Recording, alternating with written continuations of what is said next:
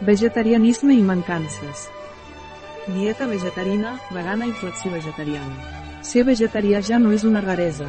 Espanya està entre els 10 països més vegetarians del món amb un 10% dels espanyols que ja tenen una alimentació principalment vegetal i un 8% que són vegetarians.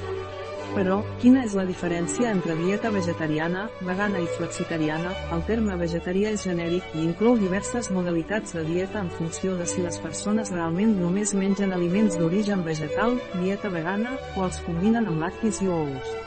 I la dieta flexitariana la segueixen aquelles persones que també prenen peix blau algun dia a la setmana o al mes i fins i tot algunes mengen esporàdicament algun producte com la carn.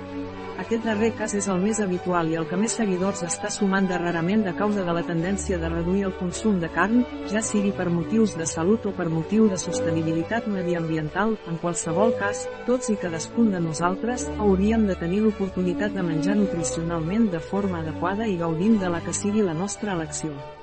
Per naturalesa som animals omnívors i el nostre sistema digestiu està dissenyat per menjar diferents tipus d'aliments, és més, cal prendre una gran varietat d'aliments per obtenir tots els nutrients que el nostre organisme necessita.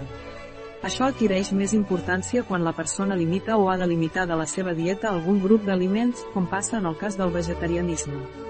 A l'edat adulta hem de portar nutrients per mantenir la nostra fisiologia, salut i benestar, i a la infància i l'adolescència, que són etapes clau de creixement, desenvolupament i consolidació de la salut futura, és molt important que l'alimentació sigui un pilar ben sòlid. Les dietes vegetarianes i veganes ben estructurades, equilibrades i suplementades adequadament, són opcions saludables tant en adults com també en nens.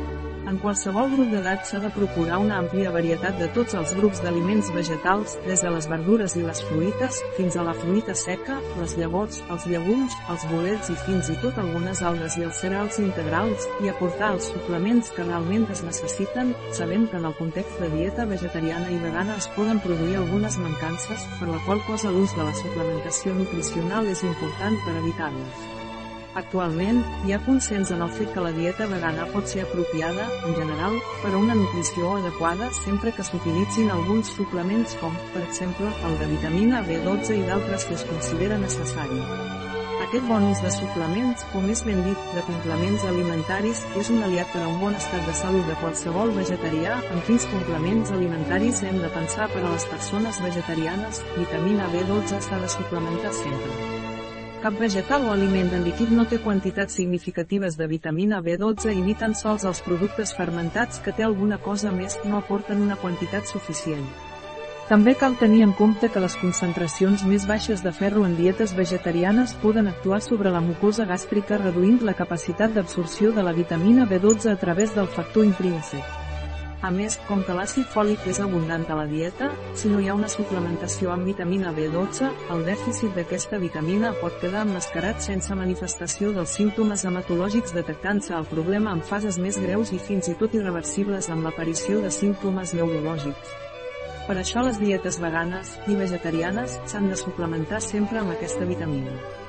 Com que és hidrosoluble i s'elimina ràpidament, el més adequat és prendre un complement alimentari a base de cianocobalamina o hidroxicibalamina o metilcobalamina, via oral, ferro no sempre cal suplementar-lo. El ferro dels vegetals s'absorbeix una mica pitjor que el ferro que prové d'origen animal.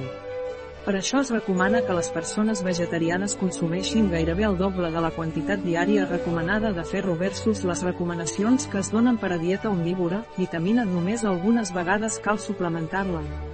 Tot i que la nostra font principal d'aquest nutrient és la pròpia producció de l'organisme gràcies a la incidència de la llum solar a la nostra pell, també hi ha aliments que la contenen, però sempre són aliments d'origen animal com el peix, el fetge o alguns lactis.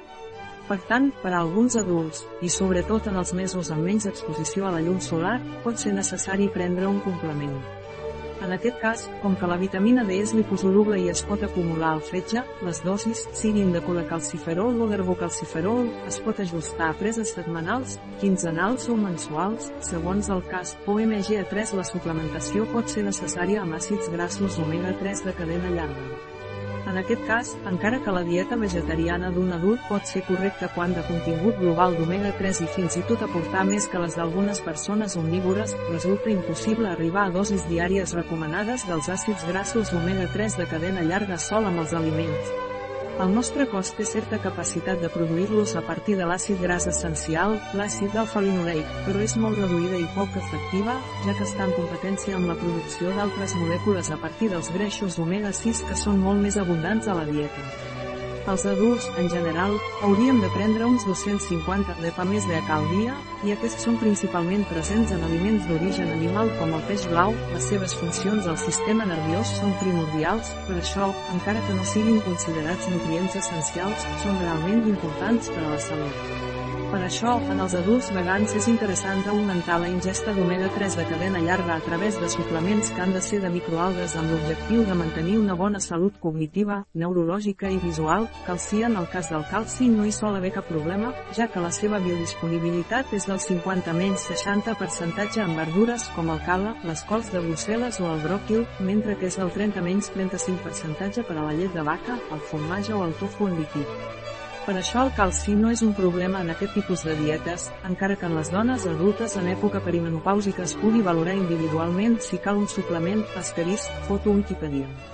Un article de Catalina Vidal Ramírez, farmacèutica, gerent de Biofarmapes. La informació presentada en aquest article no substitueix de cap manera l'assessorament d'un metge, qualsevol menció en aquest article d'un producte no representa el suport dels objectius de desenvolupament sostenible a aquest producte.